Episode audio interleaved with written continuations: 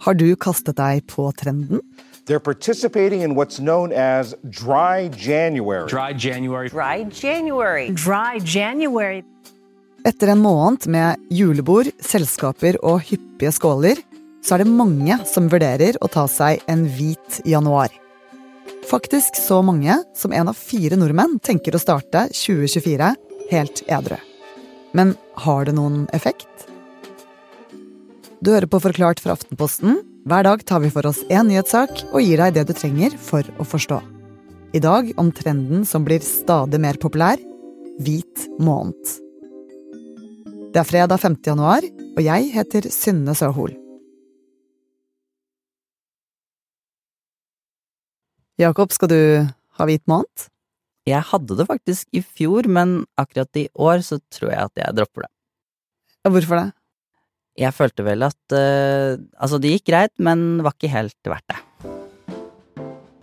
Jakob Semb Osmundsen er journalist i kulturavdelingen her i Aftenposten og har skrevet om januars store snakkis, nemlig hvit måned. For det er det ganske mange nordmenn som har vurdert. Det er faktisk så mange som én av fire, ifølge en ny Ipsos-undersøkelse for organisasjonen Av og til. Og blant nordmenn mellom 18 og 29 er det enda flere, hele 43% og det er jo nesten halvparten. Vet du hvorfor så mange vurderer det? Det er flere forskere som mener at dette har blitt en slags trend, og det i form av en utfordring som folk, og da særlig unge folk, oppfordrer hverandre til å gjøre etter en ganske alkoholtung desember. Ehm, det er også blitt et større tema i sosiale medier, og budskapet er det vi allerede vet fra før, at alkohol egentlig ikke er så særlig sunt. Nordmenn er glad i å drikke. Ifølge nye tall fra Folkehelseinstituttet så drikker åtte av ti nordmenn alkohol. Og tre av fire sier de drikker i helgene. For rusen gir oss en god følelse. Vi blir mindre sjenerte, vi snakker lettere med hverandre, vi ler mer og får økt selvtillit. Ja, så hva er det som ikke skjer i kroppen? Det, det, alt blir påvirket eh, av alkohol, enten direkte eller indirekte. Kaveh Rashidi er lege og programleder i podkasten Helseopplysningen. Og da vi snakket med ham i september om nye kostholdsråd, så forklarte han oss hva som skjer etter den gode følelsen, når alkoholen brytes ned. For alkohol, det forsvinner jo. Rusen forsvinner, og i kroppen så blir det brutt ned til et annet stoff. Og det stoffet, det gjør deg bakfull, det øker risikoen for kreft, og det skaper starten på betennelsesprosesser og negative prosesser i kroppen som er kobla til en hel del forskjellige typer sykdommer. Så alkohol i seg sjøl er kanskje ikke så ille hvis det bare treffer hjernen, og du klarer å ta det i en slags kontrollert miljø og ikke bruker hjernen din til noe viktig samtidig, som å kjøre bil.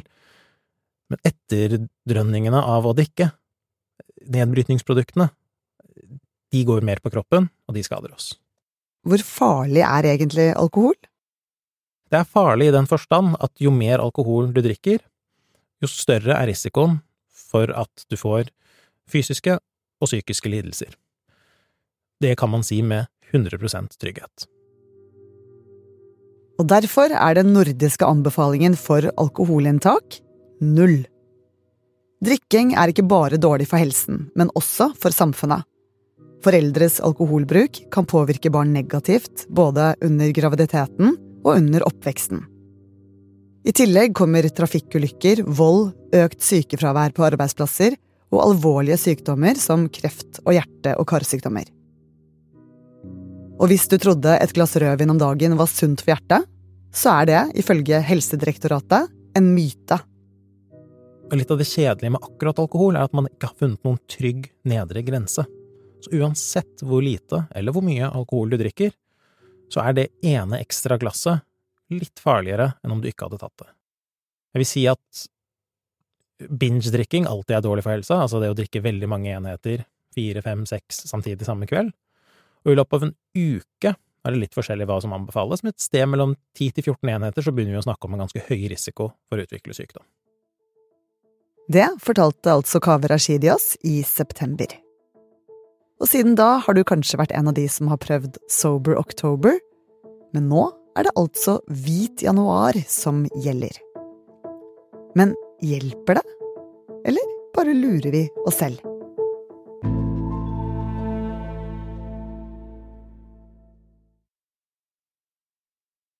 Jakob, hvor lenge har vi snakket om hvit januar, egentlig? Det er som sagt blitt en større trend, særlig de siste årene, men begrepet hvit januar stammer mest sannsynlig fra en kampanje til det svenske Systembolaget allerede på 70-tallet. Ordet hvit skal da ha blitt brukt fordi det symboliserer renhet og uskyld, og det er det som ble til det vi kaller hvit januar i da både Sverige og Norge, men det er flere land som har hatt lignende tradisjoner. Mange briter har pleid å ta seg en såkalt tørr januar. Men med kampanjen Dry January for ti år siden så ble enda flere inspirert til å gjøre det samme. Men alkoholfri januar går mye lenger tilbake. For allerede i 1942 så var dette en oppfordring i Finland. Etter vinterkrigen var mange soldater alvorlig traumatisert. Med hvit januar så ønsket regjeringen å hindre at flere ble avhengig av alkohol, og i tillegg så skulle det bidra til at ressurser som korn ble brukt til å forsyne frontlinjen i stedet for å lage øl. Men hvor stor effekt har egentlig en hvit måned? Det fins jo en god del helseeffekter med en måneds eh, avholdenhet. Ifølge rusforskere kan den psykiske helsen forbedres ved å gi færre depressive symptomer, mindre angst og bedre søvn. Når det gjelder fysisk helse, kan det føre til vektreduksjon og lavere blodtrykk, og kortvarig avholdenhet kan også redusere risikoen for kreft, type 2-diabetes og leverskader. Det er altså ikke tvil om at en måned uten drikking hjelper på helsa. Og det kan være et godt kompromiss dersom man ikke vil kutte alkoholen helt, ifølge Kaveh Rashidi. Men hva om man går tilbake til gamle vaner etterpå? Mister man all effekten da?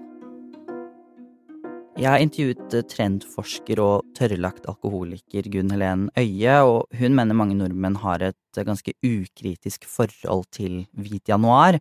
Ifølge henne kan det bli en hvilepute for dem som drikker for mye. Hun mener denne ene måneden ikke kan bøte for en uheldig drikkekultur resten av året, og hun mener at vi nordmenn både har beholdt vår gamle kultur med flatfyll i helgene, og tilegnet oss en mer kontinental drikkevann i ukedagene, det vil si alkoholen står sentralt, enten det er vennekveld eller Netflix med kjæresten. Og det kan være farlig for dem som er sårbare for avhengighet, mener da Øye. Så helsegevinsten er liten hvis man åpner flasken igjen i februar og drikker som før resten av året. Det sier også forskere ved Folkehelseinstituttet og Helse Vest. Likevel kan en hvit måned ha effekt på lengre sikt. Og da er vi tilbake til denne økende trenden, og med det økt bevissthet. Ja, altså, bare det at vi nå snakker mer om hvite perioder, det bidrar jo til økt kunnskap og normalisering, og at det føles enklere å si nei til alkohol avholdenhet blir på en måte mer innafor sosialt, eh, og de som gjennomfører en hvit måned, får jo dessuten konkret erfaring med hvordan helse og livskvalitet påvirkes av alkoholen. Ja, så det at flere snakker om hvit måned, gjør det altså mer akseptabelt å ikke drikke, og med det lettere å takke nei til et glass vin eller en øl. Jakob, bør alle ta seg en hvit måned? Folk er veldig forskjellige, og vi må alle bestemme oss for egne metoder og hva målet vårt skal være. Hvit måned kan for eksempel ikke være en løsning for mer dyptgående og komplekse alkoholproblemer. Og så har vi alternativer til hvit januar. I den engelsktalende verden snakker man blant annet om damp January, altså at man drikker mindre, men ikke kutter det helt ut. Og så har vi da Gunn Helen Øie som anbefaler den motsatte tilnærmingen, å utvide den hvite måneden til hele 100 hvite dager. Hun mener at det er først da man virkelig ser hvordan man fungerer uten alkohol, og virkelig får helsegevinst. 100 dager uten alkohol kan nok for mange virke vel ambisiøst. Også bare januar med 31 dager kan bli en utfordring, for plutselig så dukker det opp fristende tilbud som bursdager, nyttårsbord, konserter og afterski. Jakob, hva er tipsene for å klare å gjennomføre? Organisasjonen Av og til har et par greie tips. For eksempel så bør du forberede deg på hva du skal si og gjøre når du blir tilbudt alkohol. Det kan også være lurt å alliere seg med noen, ved for eksempel å prøve å gjøre det sammen med familie og venner. Det kan jo være lettere og morsommere å gjøre det sammen. Og sist, men ikke minst, så er det jo lurt å planlegge aktiviteter som ikke innebærer alkohol. Gunn Helen Øye er opptatt av at hvis du sprekker og mister kontrollen gang på gang, så kan det nok være lurt å oppsøke hjelp.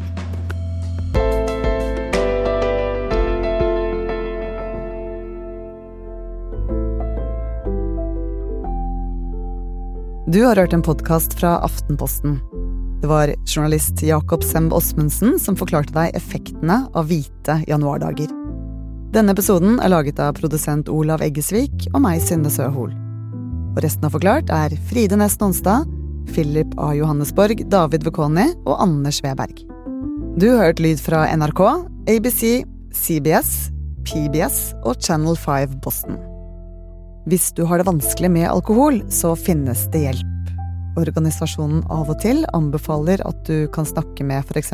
fastlegen din eller noen andre du stoler på.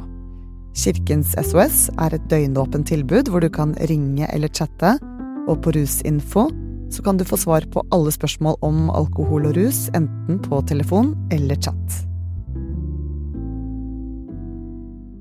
Hva er det vi syns er morsomst å prate om? Alt vi scroller på. ikke sant? Og det liker vi å prate om sammen, men også med våre fantastiske gjester i Poprådet. Hver tirsdag. I Podme eller i Aftenposten-appen.